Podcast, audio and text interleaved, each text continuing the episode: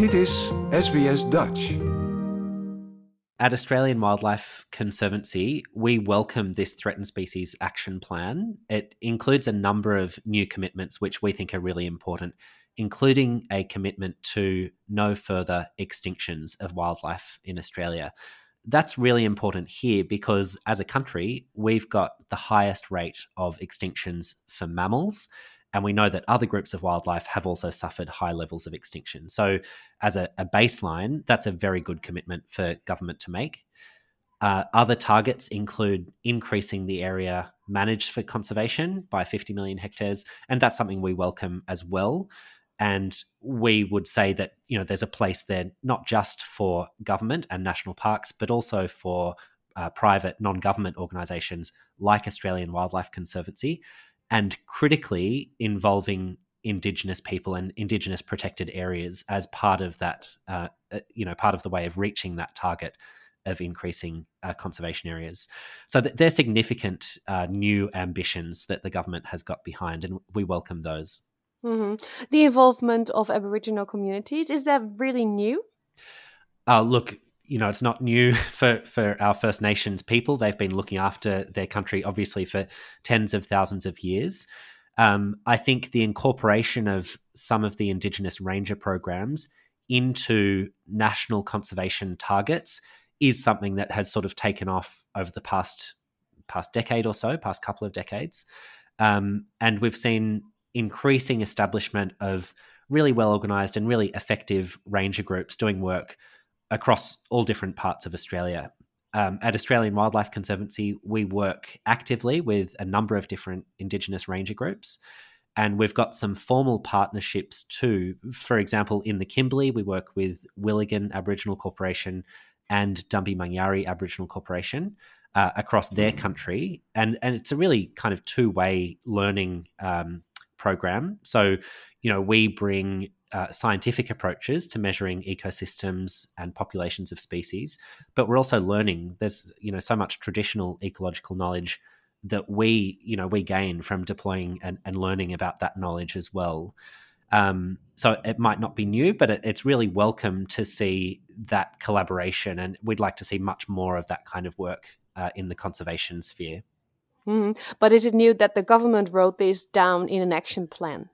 Um, so there there have been existing targets for Indigenous ranger programs and commitments to funding.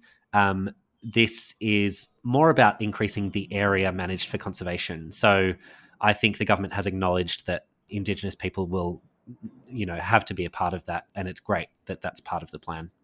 Yeah, not long ago I spoke to Dr. Jennifer Pierson from AWC. Yeah, because you know, being from the Netherlands, I can't believe why Australia let it come this far. We have so many amazing and special animals here.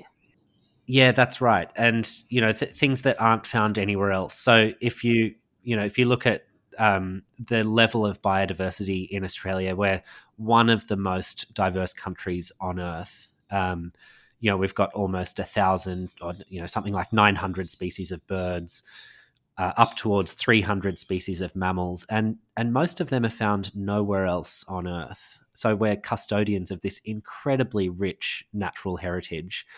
And yet, you know, we've seen terrible declines in a lot of those groups. Um, right now, there are species on the very brink of extinction.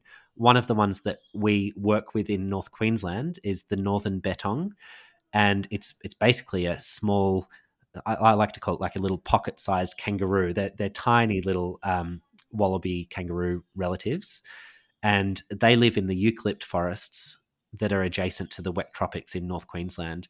That's a, a completely unique species, only found in a few small patches, and in front of our eyes, two of the four populations that existed 10 years ago have disappeared.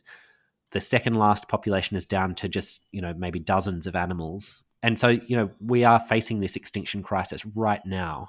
Um, it's it's quite an urgent situation. Yeah, is it because humans are taking their habitat, or a combination of climate, bushfires, etc.? Yeah, as you say, it's a combination of factors. Habitat loss has been a major factor in extinctions that have happened already.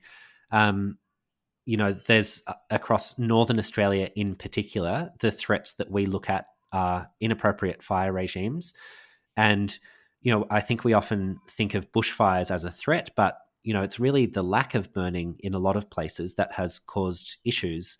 We know that for tens of thousands of years, Aboriginal Australians burnt the country in a way that, um, you know, had there, there were patterns and regimes that were built up for a very long time in a way that looked after the country and kept it healthy. Mm. And part of the work that AWC does alongside First Nations groups is trying to restore healthy fire regimes.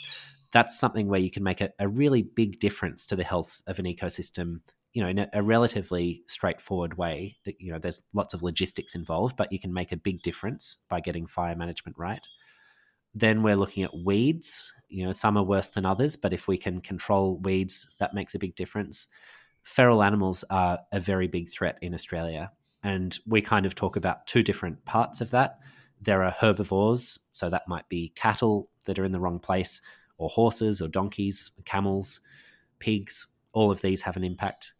And then I guess the other part is feral predators, and that's primarily cats and foxes, which have had a devastating impact on populations of lots of species.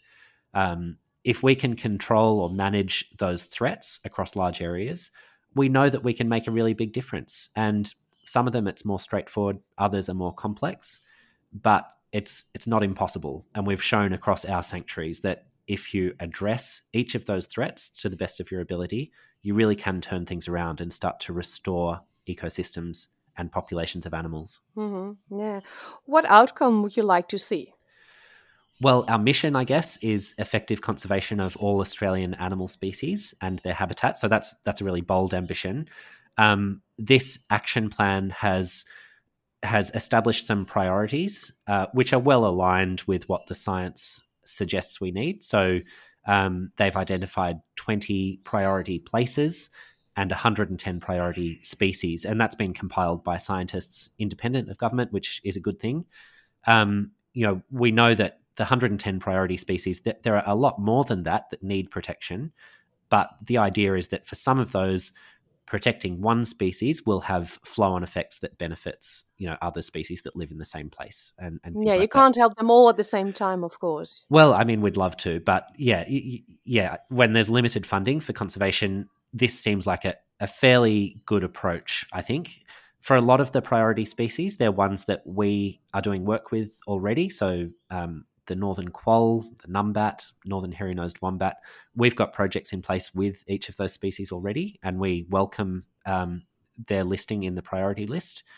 For the places, there's also a bunch where AWC has projects. So Kangaroo Island, which was impacted by bushfires, mm. um, remnant woodlands in Western Australia, and, and Yampi Sound in the Kimberley, and a couple of others. So we think um, it's a good starting point. We would really like to see maintaining that commitment of no new extinctions. But really, our, our vision is to see healthy populations of wildlife across the landscapes where these species once occurred in abundance. So you know, we don't want to just stop the declines. We also want to restore healthy populations. Mm, it's going to be a long term thing. It is. It is. These are big programs. It's going to require long term commitment from government.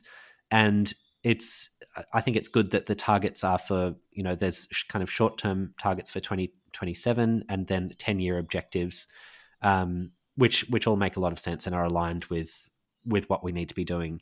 Um, I guess you know the the one thing I would say about the plan is currently there's no additional funding attached to it beyond what's been announced already, and we know that conservation is underfunded in Australia. There's there's just not enough funds to do what we need to to prevent further declines. Um, so you know we would welcome any additional funding, but we also know that there's a space for non government organizations like AWC and also for the private sector to get involved in funding and new finance models for biodiversity, which is something that's um, you know a really emerging trend at the moment. Mm. Thank you very much, Joey Clark from AWC. Thank you very much. Like, deel, geef je reactie. Volg SBS Dutch op Facebook.